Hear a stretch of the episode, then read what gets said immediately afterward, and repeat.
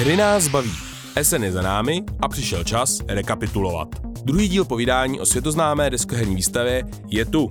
A protože změna je život, oproti původnímu plánu se můžete těšit na dva nové hosty. Ale to neznamená, že by neměli co říct, ba právě naopak. Jde o přímé účastníky a nebojím se říct očité svědky tohohle velkého herního mumreje. Podcast nejen o deskovkách, ale i o hraní všeho druhu právě startuje. Připravte se, začínáme!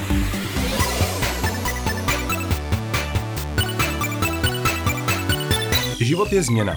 Minule jsem vám sliboval, že pro druhou část povídání o Jesenu se vrátí Libor a Petr. A nakonec se mnou sedí ve studiu dva úplně noví hosté. Chtěl bych jim moc poděkovat, protože se vše dohadovalo trošku na poslední chvíli. A kdo tedy sedí na židlích náhradníků? Je to můj z Brusu nový kolega, který k nám nastoupil a řekněme skoro den na to už odjížděl směr Německo do Esenu. Ahoj Martine, vítej v podcastu. Ahoj. A druhý host je srdcař, deskovkář a polovina vydavatelství Board Bros. A nesmím zapomenout, že je porodce v reality show Den deskovek. Vítám u nás Davida Navrátila, ahoj. Ahoj Ondro, ahoj Martine. Tento díl natáčím v OC Arkády v prodejní T-Mobile, kterou můžete znát jako Magenta Experience Center. Proč to říkám? Protože Martinova předchozí práce se nacházela doslova jen pár metrů odsud. Martine, můžeš nám říct, z jakého pracovního prostředí pocházíš a jaká byla tvá specializace? No, já jsem vlastně posledních sedm let pracoval pro knihy Dobrovský, kde jsem začínal jako brigádník a přes všechny různý místa jsem se vypracoval k tomu, že vlastně poslední dva roky jsem dělal produktového specialistu deskových her a dárkového sortimentu. To je krásná práce. Dalo by se říct, že třeba knižní průmysl a knihy jsou ti teda hodně blízký. Určitě. A mojí v podstatě jakoukoliv práci, kterou jsem zatím v Praze dělal, já jsem v Praze asi 10 nebo 11 let. Začínal jsem v jakýsi malém hobby shopu, kde jsem prodával komiksy, sošky, figurky, hry, knihy. Přesto jsem se potom šoupnul do knih Dobrovský a teď do Alby. Tak to je hezká postupka. Já se vrátím k Davidovi. Eh, na tebe mám trochu jinou zákeřnou úvodní otázku. Užíváš si SN víc jako návštěvník nebo jako vydavatel? No, abych byl upřímný, tak my jsme vlastně v SNu s Markem byli pokaždé už jako vydavatelé. I když ten, ta první návštěva, ta byla v roce 2019, byla taková návštěvnicko-vydavatelská, protože my jsme v tu dobu ještě neměli uh, fyzicky žádnou hru vydanou, měli jsme jenom podepsaný uh, ve stínu pyramid uh, z AEG. Takže nedokážu říct, ale myslím si, že ten první rok jsem tam byl jako návštěvník a užil jsem si to asi víc. Máš pocit, když si to užíváš jako návštěvník, koukáš se na ty hry, hraješ si ty věci, že ti uniká ta vydavatelská práce, že má smysl hrát hru, kterou třeba už někdo oznámil? Uh, když ji někdo oznámil, tak ji určitě nehrajem. Uh, v tomhle tom jsem toho svého návštěvníka nebo toho hobíka trošku utlumil, protože ten čas není nafukovací a když mi tam na stole čeká 30 her na otestování, tak nebudu testovat tu 31. ani 32. Eh, který vím, že už stejně neulovíme. Takže si počkám na tu českou verzi a místo toho radši pak podpořím tady vlastně v úvozovkách konkurenci, ale ve skutečnosti kamarády většinou. Možná jsem se dostal poměrně složitým oslým můstkem k Essenu, protože tohle je druhá část eh, o Essenu. První jsme natáčeli s Liborem a Petrem, kdy jsme rozebírali ty rok starý vzpomínky a teď vlastně jsme přijeli s těma čerstvýma. Já bych se teda zeptal Martina, pro tebe SN byla teda úplně první záležitost s deskoherním průmyslem v takovém opravdu velkém podání. Je to tak, no. Jako v takovýhle míře jsem se vlastně s deskoherním průmyslem ještě nesetkal.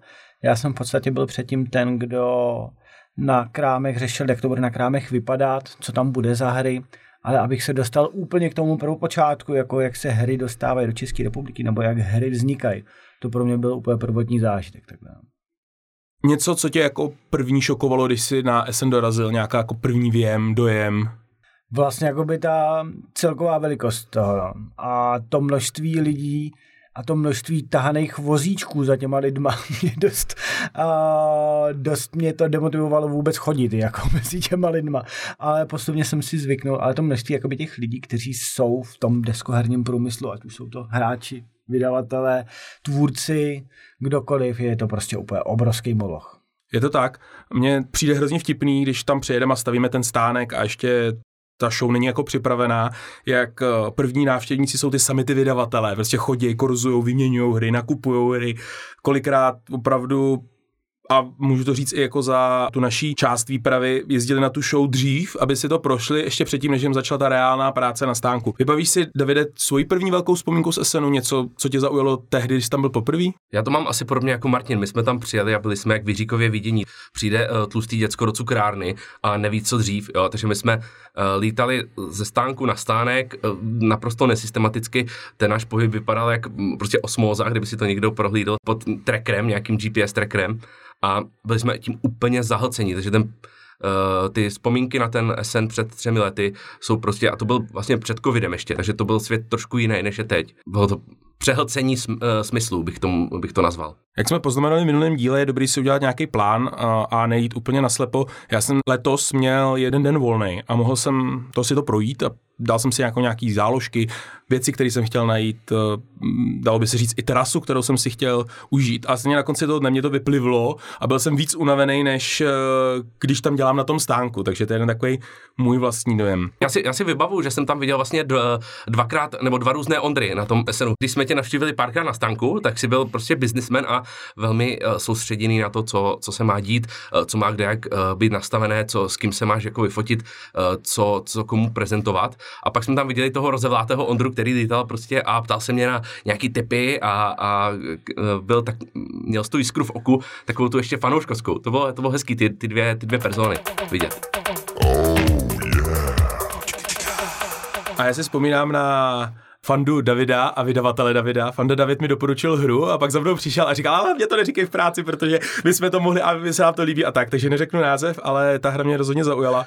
Je to uh, pro tebe jako vydavatele jako klíčová už teďka akce? Uh, v podstatě jo, co se týče toho, té koncentrace a času, který k tomu věnujeme, uh, versus to, co tam dohodneme, kolik vzorků si nataháme a s kolika lidma se potkáme. Uh, pracujeme v průběhu roku, ale tam přece jenom, že ho pošlu mail nebo dohaduju to s lidma třeba na, na víckrát, ale ten osobní kontakt nic nenahradí. Takže to, že to tam máme sice zuštěný do dvou dnů, ale jdeme ze schůzky na schůzku, je extrémně efektivní a nedokázal bych se bez toho obejít. Martine, pověs nám něco o trošku o té cestě, trošku o tom seznamování se s novým kolektivem a pak vlastně vrhnutí se do toho, do té biznisové části toho veletrhu.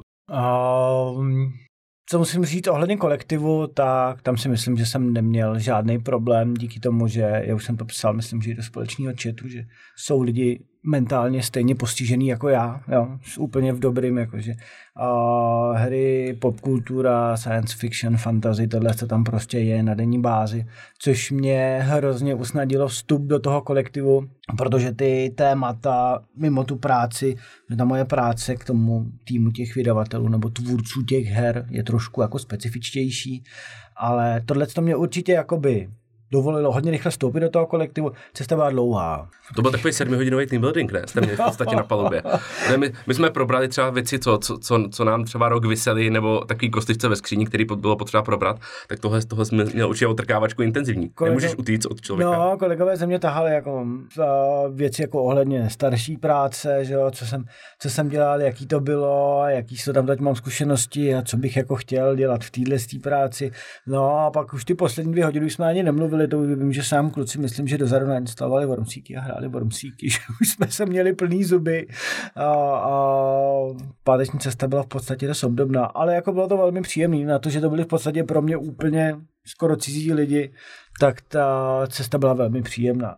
Já si teďka představu tu scénu, u tebe doma říkáš, Miláčku, mám novou práci, je to skvělý, super a hned jedeme do Německa. Já mám štěstí, že moje přítelkyně je taky úplně stejně postižená. Takže říká, jo, jedeš, já ti to tak závidím, já bych jela taky, tak jeď. Takže to bylo jako veškeré, co jsme jako SNU měli, že se ptala, jestli mám dost peněz, abych si mohl koupit věci, co chci. Takže. No, to je rozkošný. Jsem spokojený. To zahře u srdce. A já myslím, že v tomhle je úděl manželek docela důležitý a ta podpora i skrz, uh, skrz tohle povolání, protože my v Albi a možná i ty Davide to taky, jak máš, hodně pracujeme o víkendech, deskovky jsou volnočasová zábava, právě třeba i tady ty velký festivaly. Kolegové to mají ještě náročnější, objíždějí Norimberg, teď jsou, myslím, aktuálně jedou na Frankfurt. Už tam jsou, myslím. Už tam dokonce jsou, takže zdravíme virtuálně. Prostě stojí to hodně času a není to úplně jednoduchý občas nebejt doma, takže mm, ten rodinný život tím trošku trpí. To by se možná zeptal, Davide, ty jsi rozhodl, a teďka trošku ještě odbočím k té tvý vydavatelské činnosti, řekněme doma uvařený uh, vydavatelství, takový homebrew. Jak se to setkalo s pochopením a jak to, jak to naru, ne narušuje, ale jak to obohacuje tvůj rodinný život?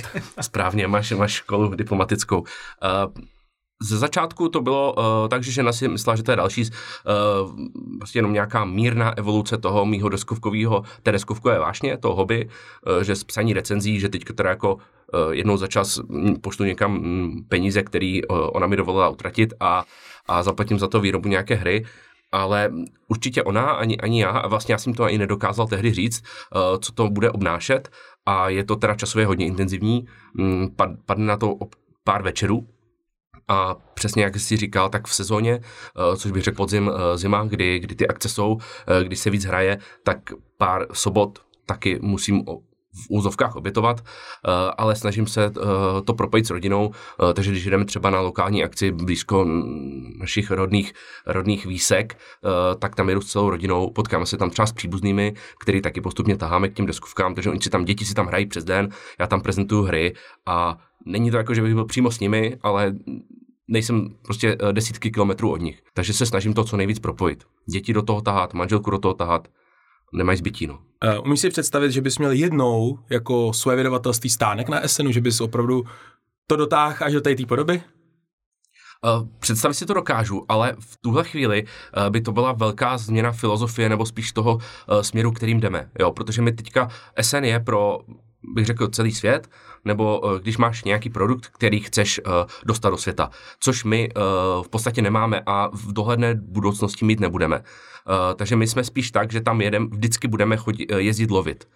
A dokážu si to představit, jo, e, třeba se dostaneme do takové, takového povědomí, že nám budou chodit, nám už teda chodí prototypy a, a, a návrhy her, ale že nám budou chodit, které se, se opravdu dají vydat a že my budeme schopni je vydat. No a po, pokud se to takhle stane, tak samozřejmě já nebudu uh, hře stát v cestě a pojedu ji prezentovat a budu se snažit ji dostat do více, do více uh, lokalizovaných verzí do celého světa. Já bych rád doplnil možná pohled Alby, tedy na tu problematiku. Eh, my jsme taky začali asi jako lovci, ještě jsem tam sice nebyl v té době. Já jsem měl to štěstí, že jsem začal jezdit na SN až se stánkem, což samozřejmě zahrnuje montáž, demontáž, vysvětlování a tak. A musím říct, že pro tu firmu je to neuvěřitelná změna filozofie i pro větší firmu, jako je Alby, je exportní duch v tom, ta prezentace, to, že se stáváš součástí kolektivu těch vystavovatelů, že tě pozvou, pozvou tě večer na párty. Letos eh, tam byla párty u Blue Orange, eh, byla tam párty u fabriky a tak dále a tak dále a ty lidi tě najednou začnou brát úplně jinak. Jako hráče v té hře toho biznisu, toho, toho opravdu důležitého, co se kolem toho děje. Protože jedna věc je opravdu, jak říkáš, když malý vydavatelství tam jako loví hry a snaží se jako dohomlit kontakty a taky se tak trošku podívá za, do toho zákulisí, ale pro tu firmu, když začne dělat ten export, tak začíná úplně jako jiná hra. My jsme letos měli nový stánek a musím říct, že ta progrese od eh, toho minulého roku byla značná Neřekl bych, že to bylo ušetření časový, jako montovali jsme to ve dvou, ale ta vizuální prezentace už jako od začátku upoutala. Vím, že se tam stavoval Tom Vessel z Dice Toweru, jenom prostě procházel kolem, uvěšený jak vánoční stromeček, ale stejně se jako zastavil, tak jsme mu hned jako pár krabic přidali. Je hrozně důležitý tam být rozpoznatelný. Teďka ty stánky opravdu to týmy kreativců vymýšlejí mm, rok dopředu. Jsou hodně nápaditý, letos byly zase extrémně nápaditý, takže uh, pro vydavatele je to ten export a ta, ta druhá část opravdu náročná. Zeptám se Martina, ty ses dostal v podstatě hned od začátku do zákulisí toho festivalu, do těch uzavřených kabinek, mm-hmm. na ty místa. Jak to na tebe působilo? Uh, v podstatě to byly dva oddělené světy.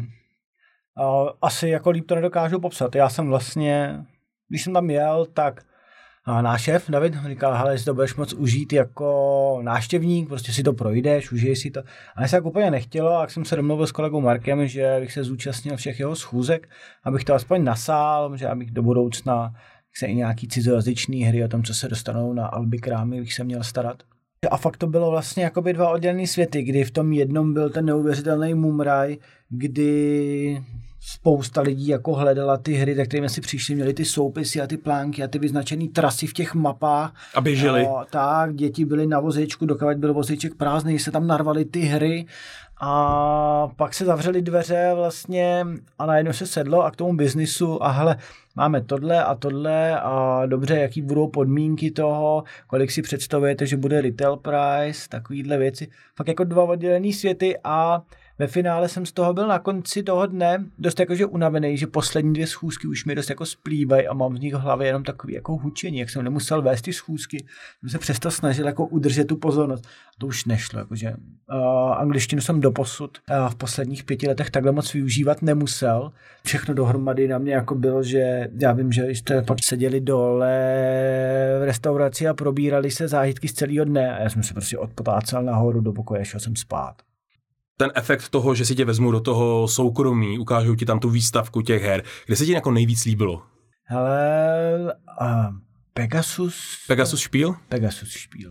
To mi líbilo, protože to bylo fakt jako přímo, že měli ještě, vlastně měli vepředu, že jo, pro zákazníky, prošlo se uličkou, tam bylo najednou prostranství, kde měli vyskládané ty hry, které chtěli prezentovat, bylo tam na ně dost prostoru, bylo tam jako málo lidí a se jí to najednou působilo jako klidná oáza a to ve mně prostě zanechalo vzpomínku.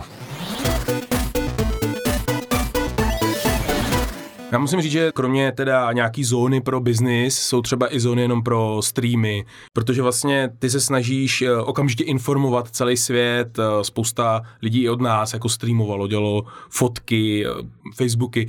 Davide, cítíš, že cena těch sociálních sítích je teďka do jistý míry klíčová? úplně naprosto. Je, bych ne, skoro než klíčová bych řekl, kdybys měl dělat jednu jedinou věc na tu propagaci, tak, tak musíš dělat tohle. Musíš dělat videa, uh, na těch sociálních sítích se prezentovat a klasický marketing nebo tak skoro můžeš vynechat. Respektive aspoň je to naše, naše zkušenost, kdy vlastně my na těch sociálních sítích můžeme uh, zalevno dávat, nebo zalevno vlastně v podstatě jenom za vlastní kreativitu, dávat vlastní memečka, točit amatérský videa a dodávat obsah, obsah navíc a nemusíme za to platit nějakým externistům ty prachy, co normálně marketingové agentury berou. Takže pro mě tohle je úplně a pro nás je to naprosto stěžení. Jo, a ty vlastně říkáš, že uh, ta chuť informovat, uh, dělat ty streamy, no a vlastně v podstatě s tím i souvisí to, že já jsem byl donucen, nebo ne donucen, ale bylo mi to doporučeno mým uh, board, druhým board bro Markem, uh, že chceme založit Brosblog. Já jsem teda nechtěl, on chtěl, uh, dopadlo to tak, že jsme ho založili a já už teď vlastně taky jsem na kameru říkal své zážitky z SNu a zase nová věc, ale myslím si, že se to bez toho neobejde. Jo, chceš dát nějaký ten informační uh, materiál, chceš, chceš těm lidem dát něco, a lidi jsou potom hladoví, zvlášť ti, kteří tam třeba nemohli nebo nechtěli jet, eh, jo, přece on peněz to stojí hodně a kdo tam nemůže jet, tak pořád chce mít pocit, že je v tom centru dění, chce být informován. U těch peněz bych se zastavil. Něco stojí ubytování, není to snadný, a ruší se to na poslední chvíli, schání se to všude, je tam plno, je to, i když je to obrovská městská aglomerace, totiž to je v takové té části Německa, kde se ty tři velké města v podstatě spojily do jednoho gigaměsta. Takže ubytování je problém, pak samozřejmě ten vstup něco stojí a teď si ještě představte, že tam jedete opravdu s tou ideou, že si jako nakoupíte těch 10 krabic těch novinek, takže to taky stojí peníze. No a pak už si říkáte, to obědvat můžu jako jindy, další týden, nebo si koupím ještě tady tu hru. Jsou tam neuvěřitelné impozantní slevy. Jedna z nich uh, byla až tak, že tě možná trošku naštvala. Od Jela Savana byla k dostání za opravdu dumpingovou cenu 10 euro. Jak na tohle pohlížíš? Je, je to jejich věc, jo, a myslím si, že to není úplně konkurenční v tuhle chvíli produkt, protože přece je to anglická verze, ale jako je to pro mě signál, uh, že vím, co oni vlastně s hrou, která není zas tak stará, uh, dokážou udělat, jo, a je to jenom připomínka toho, uh, že ten biznis teďka jede na vlně takového toho uh, kultu nového, a co vlastně je rok stará hra, už je v podstatě přesně bazarovka nebo výprodejovka. Jo, uh, že, že to jelo udělalo jejich věc, my se Savanou jako s jima prodejema jsme, jsme v pohodě, takže uh, myslím si, že nám to neublížilo, jestli tam koupil uh, Petr Vojtěch nebo pár, pár lidí uh, z Česka, tak, uh, tak nám to asi neublíží. Ale je to, je to přesně je to pro mě nějaký znamení a to, uh, toho, jaký jsou trendy v tom biznise. Já bych jenom doplnil, že tam ještě byl i štvár za 15 euro, opět jako velká nádherná hra a docela je lidi i doporučovali. Kromě toho teda Jelo měl naprosto krásnou prezentaci Unmatchedu, což je obrovská série teďka už, tak tam jsem na to taky koukal docela lačně. Připomínám, že vlastně u nás Alby vydává Unmatched a jeho Jelo je zrovna měl krásný stánek, tam to, oni to mají jako vymyšlený. Oni mají vždycky, no, oni mají, uh, pamatuju si, když byl Ištar novinka, uh, že měli k tomu jako dekorace a vypadalo to tam, že jsi připadal jako, že jsi v té poušti, nebo že tam um, ty květiny uh, sázíš prostě přímo v tom místě eh, dokázali navodit tu atmosféru. Eh, vím, že jak Little Town, čili na, eh, v Česku naše osada, že tam je taky prostě nějaký rekvizity a hodně se na tom, sna, na tom snaží makat a myslím si, že, nebo aspoň z mýho pozorování, je to společný pro ty francouzský studia, že hodně dbají na ten vizuál, jak ve hrách, tak i vlastně v tom SNu se snaží to mít hodně, jako, až bych řekl, líbivý, ty dekorace a celkový vyznění toho stánku. Já si pamatuju, že loni tam byl nádherný stánek na Paleo, bylo tam taková jeskyně, ohýnek a tak. Kameně. Hm. Ale to tady zase byly skoro možná na tom podobném místě antické sochy a, a ani už vlastně nevím, jaký hře. Dobře, půjdeme dál. Já bych se teďka zeptal na českou stopu na výstavě a tak trošku vyzkouším Martina, čeho si tam všeho všimnul. Já musím přiznat, že co se týká vlastně jakoby deskových her, tak jsem doposud vždycky řešil jenom, že lokální dodavatele, ani tady to není zatím jiný u Alby.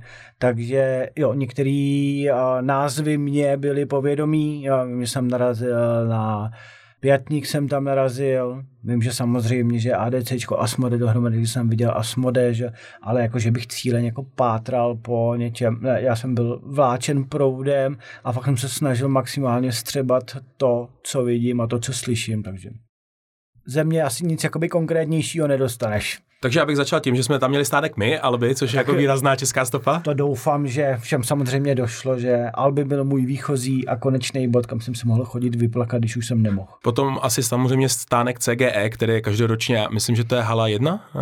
Bývaj, myslím, že bývají hala 1 jsou jako od roku od roku jako ambicioznější nebo uh, sebevědomější, což mně se strašně líbí, to je super.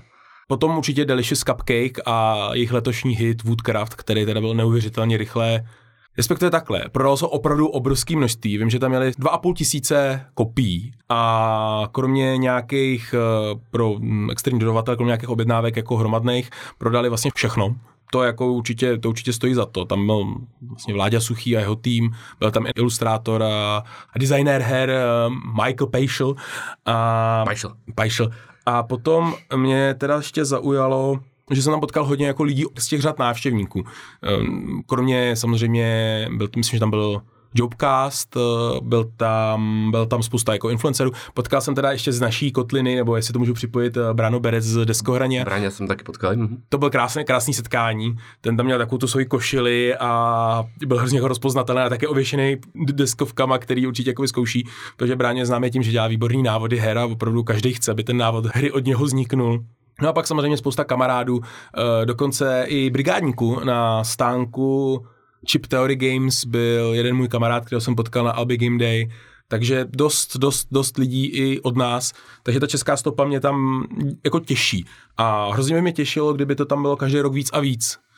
Kdyby tam kromě jako těch malých stánků, takových těch, co jsou přelepený k obvodovým zdím těch hal a mají opravdu metr na metr a prezentují nějakou prvně zatím neznámou hru e, o dobývání Evropy, tak, e, tak aby tam třeba jako časem i se nějaký další vydavatelství jako odváželo mít uh, stánek. Ono to souvisí s tím exportem, souvisí to s tím uh, udělat uh, nějakou hru, nebát se do toho investovat a tak. Uvidíme, co příště. Možná bych se ještě teďka... Letos vlastně bohužel chyběli Boardcube 3, že jo, kteří oni měli jako velmi ambiciozní hezký stánek.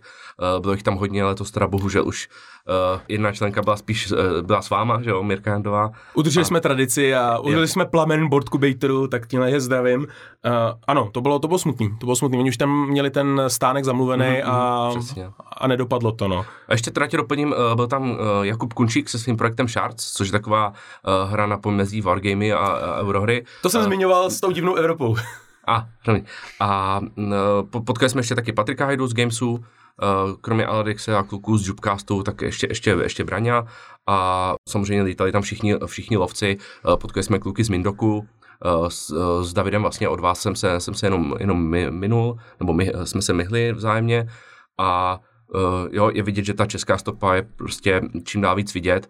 A jsem zvědavý, no. Vlastně nejnovější přírůstci jste byli pro mě vy, Loni a, a Jakub Kunčík a nevím, kdo teďka by další měl navázat. Protože Delišové ti už tam že jezdí nějakou dobu, mám pocit. Možná zvětšo, zvětšovat, já bych si myslel, nebo jo. tak trošku doufal, že i, a teď řeknu, že Tlama chystá, nebo víme, že chystá autorskou hru a rozhodně by si autor, já asi nebudu zmínit, nevím, jestli je to úplně oznámený, tak uh, že by si zasloužil, aby se tam podíval i jako, nejenom jako vysvětlovač, ale i jako autor hry. A určitě Fox in the Box, který si myslím, že časem budou třeba taky pokukovat po nějakých autorských a exportních hrách. A ne, nebylo by to špatný z jo, tak, tak, David už jako produkuje i hry, které nejsou třeba pro český trh, uh, zajišťuje výrobu nějak, nějakým těm osmnáctkám. Uh, letos jsme ho tam nepotkali, ale oni byl na stánku vlastně Leonarda Orglera, což je autor osmnáctkových her, Uh, takže on už tam nějakým způsobem do téhle role se trošku dostává. Pojďme vysvětlit, co to znamená osmnáctková hra, protože ten termín nemusí být každému známý. Jo. Já zkusím Martina, víš, co je to osmnáctková hra? No, předpokládám, že to bude... Není to 18+. Plus. Tak v tom případě nevím. Není to 18+, plus, eh, já to zkusím a David mi když tak doplní. 18 plus jsou označení pro poměrně těžký, strategický, obchodní vláčkový hry? Uh, než obchodní bych řekl, no akciový v podstatě, jo, že tam je hodně významný akciový trh, uh, vlastnění těch uh, společností více hráči, uh, je, to, je to vždycky zasazený do nějakého prostředí, takže je to třeba nevím, Česko nebo i, i jiný, jiný stát a stavíš tam vlastně a provozuješ vlaky. A to je právě přesně ono, na čem já třeba jako jsem zjistil a začínám ne, u nás v týmu zjišťovat, vy máte svoje názvosloví a slang, ano, ano, který já na té druhé straně toho vlastně jakoby toho biznisu, když mám jakoby od lokálních dodavatelů ty hry, používám úplně jiný rozdělení těch her pro krámy, nežli používáte vy. Občas jsem z toho dost zmatený.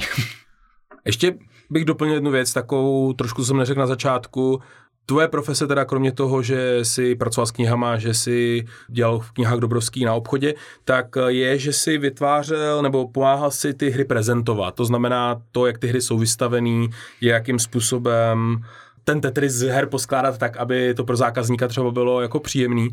Všímal jsi z toho i na Essenu, jak jsou ty hry vystavený? Jako byla taková profesionální deformace? Všímal, ta profesionální deformace už tam je, že když to nejsou knihy, tak jsou to hry a když to není to, tak je to prostě nějaký dárkový předmět. Jo, a já všude vždycky koukám, a jak se snaží zaujmout vlastně zákazníka, čím to vytáhnou z takový té masy těch produktů, aby to bylo vidět, jo, jestli používají masový vystavení jednoho produktu, anebo prostě více produktů bokem a vedle toho čelem. Jo, už je to deformace. A ještě se tě zeptám, mě vždycky fascinuje, jak vykládají ty hry do takových těch spirál a jsou kolikrát velký jak člověk. A teď se tě zeptám, Není si ty hry ve spot? Není, není, nebo ta hra toho vydrží relativně hodně? A, ta hra toho vydrží relativně hodně. Já si myslím, že když to potom přesáhne nějakou určitou mez, tak ano, ty hry se potom úplně ve spodu někde ničej, ale já si myslím, že tady u toho se s tím tak trošku počítá, protože z tohohle z toho se nepočítá ani, že si zákazník bere tu hru. To je fakt čistě jenom na koukandu. Je to oběť na otář marketingu. Tak. A já bych řekl, eh, možná bych navázal na určitý stíný stránky SNu a tady toho biznisu. Musím říct, že teda je to festival v podstatě o jednom hrdinovi a to je hnědá kartonová krabice, která opravdu převáží všechny deskovky a teda neuvěřitelný kilometry plastikového obalu, protože vlastně každá ta paleta s těma krabicema je ovázaná a pro ty lidi, kteří vystavují, to znamená hodně práce, každou krabici vzít do ruky, každou hru vzít do ruky, vystavit jí, když se to neprodá, jak si říkal, tak zase zpátky do těch krabic a tak. A trošku už tam uh, zaniká to, co my jako hráči vyžadujeme, že vezmeme s láskou tu prostě krabici, dáváme si pozor, aby jsme ji donesli, uh, dáváme pozor, aby jsme neobouchali rohy a tak dále a tak dále. A ty vystavatele v tom množství prostě to už jako trošku... To neukočíruješ. No. To už neukočíruješ a občas se ti to stane a opravdu jsou to jako housky na krámě někdy a trošku ta láska k tomu produktu, za kterým stojí spousta práce a nejenom, nejenom tý, nejenom tý mentální, ale i tý výrobní práce, tak pak už je to tam, člověk to tam prostě vidí, jak se s tím zachází. Nechci říct, že by to bylo prvoplánový, nebo že by se to dělo automaticky, ale prostě během toho festivalu, který je obrovský, se ty krabice prostě přesouvají z místa na místo, dělají se ty výstavky. Teďka když se to staví, tak tam jezdí prostě auta, nákladáky, ještěrky. Je to opravdu jako intenzivní. Staví se to dva dny kolikrát, ten festival. My jsme to stavili 10 hodin, ten stánek ve dvou. A je to, je to opravdu ta láska k tomu produktu tam jako trošku chybí nebo vymizívá někde. A to je jedna z těch věcí, které na tom festivalu nebo na těch masových akcích, obecně masových akcí nemám moc rád. Ale to si podle mě jako narazila zásadní věc, rozdíl mezi biznisem a rozdíl mezi vášní. Jako. Když prostě uh, hry vydáváš a já si myslím, že není úplně dobrý nápad, když autor hry chce prodávat svoji hru že když to potom tak někdo potřebuje, jak to právě, to je ta láska, všechno dlouho trvá a všechno, ale v tom biznisu potřebuješ být. Může tam ztratit iluze, no. Ty si na to narážel, už je to dneska hrozně rychlý, jako za rok je to fakt jako bazarovka, jo, a můžeš tomu věnovat tolik péče, až ty hře uškodíš tím, že jsi nebyl dostatečně rychlej jako ta tvoje konkurence. No. Je to tam prostě a těmhle, za mě to zase k těm masovým akcím jako patří. Nemám to taky samozřejmě rád, když se ty věci a ty hry ničej, ale tam to prostě musí být.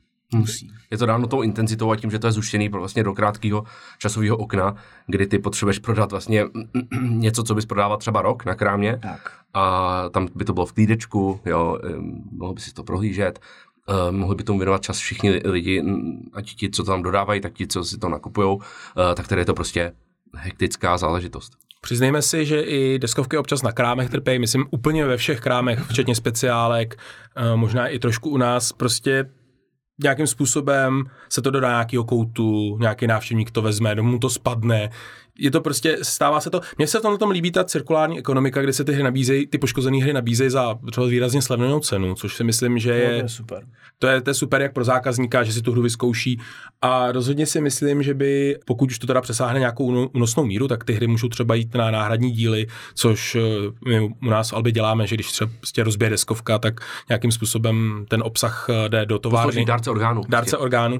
A úplně ultimátně si myslím, že by se i dalo v některých případech ty věci, které už jsou z nějakého, jakéhokoliv ekonomického hlediska nepotřebný, omlácený, tak třeba posunout do, do nějakých DDMek nebo do ně, něčeho takového, kde by to ještě jako mohlo sloužit.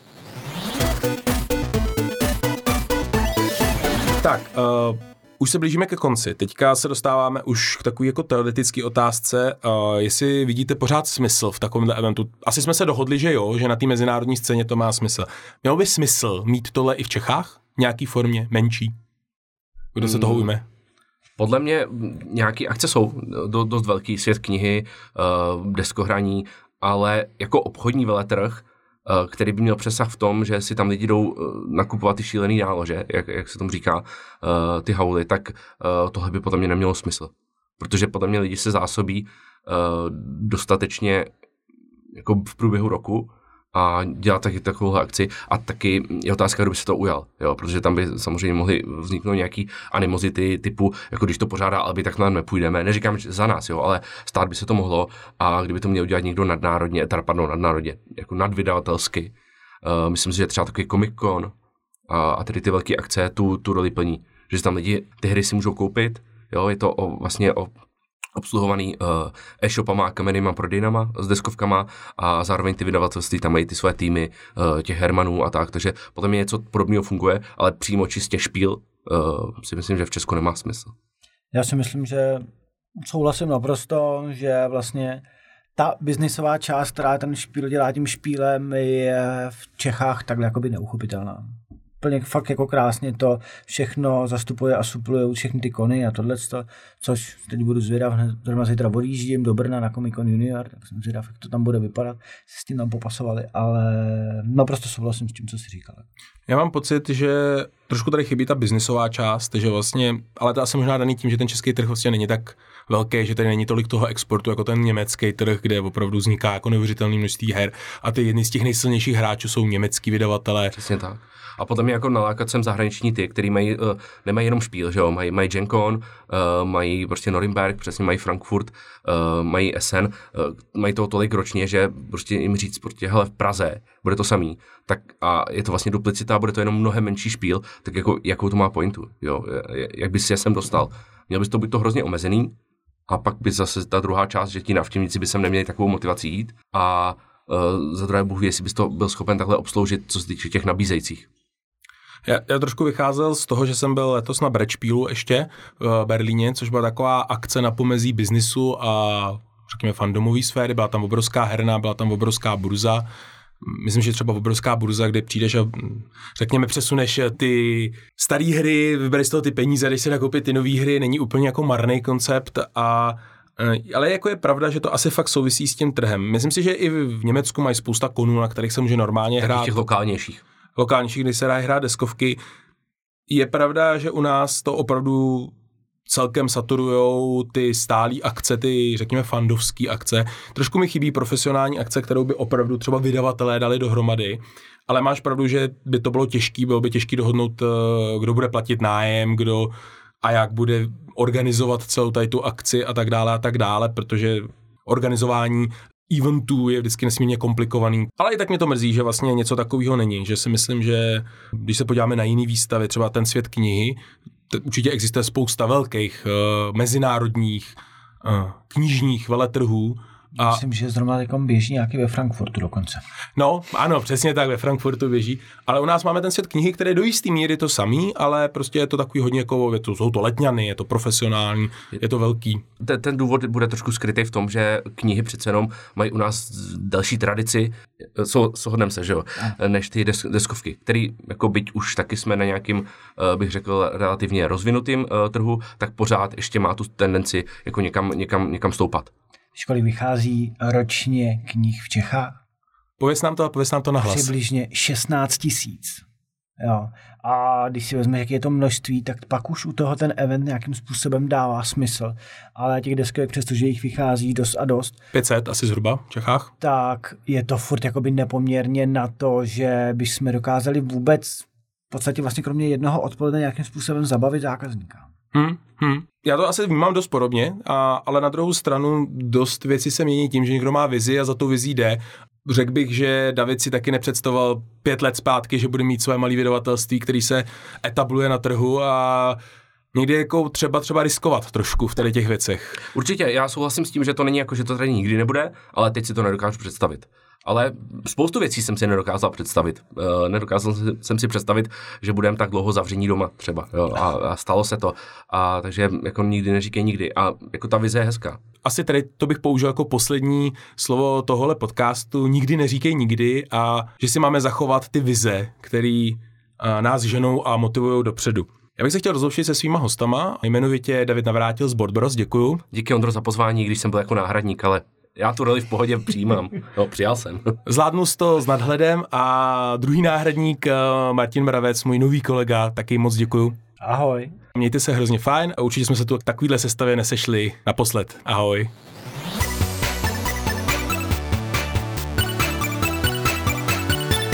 Občas je nutné improvizovat, jak v životě, tak i ve tvorbě podcastu. Ještě jednou děkuji mým dvěma hostům, že se z Grácí ujali role náhradníků dlouhé noci a nástup zimy přeji hraní deskovek. A já doufám, že jich stihnete co nejvíc. Příští díl můžete očekávat 22. listopadu, tak jak je dobrým zvykem. Ještě než se s vámi definitivně rozloučím, mám tu pro vás pár postřehů. Esen se nedá popsat, Esen se musí zažít. Esen je velká, opakuji, opravdu velká akce. Esen je jako cukrárna. Spousta lákadel, ale snadno si zkazíte žaludek. Vysvětlovat po XT stejnou hru ještě neznamená, že ji sám dokonale umíte. Děti deskovkářů jsou trpělivé a klidné. Deskoherní průmysl má bohužel dva negativní pilíře. Hnědou kartonovou krabici a nekonečné množství umělohmotných obalů. Největší fanoušci deskovek jsou sami vydavatelé. Každý má šanci prorazit, jen se oni musí tak trochu porovat. Ese není jen o návštěvnících, ale i o kontaktech a biznisu. Speciální esenovská edice belgického piva se letos opravdu povedla. Essen Howl je krásná, ale nákladná tradice. Loučí se s vámi Ondras Albi, alias Albion. Naslyšenou. Tento díl vznikl ve spolupráci s Magenta Experience Center. Děkujeme.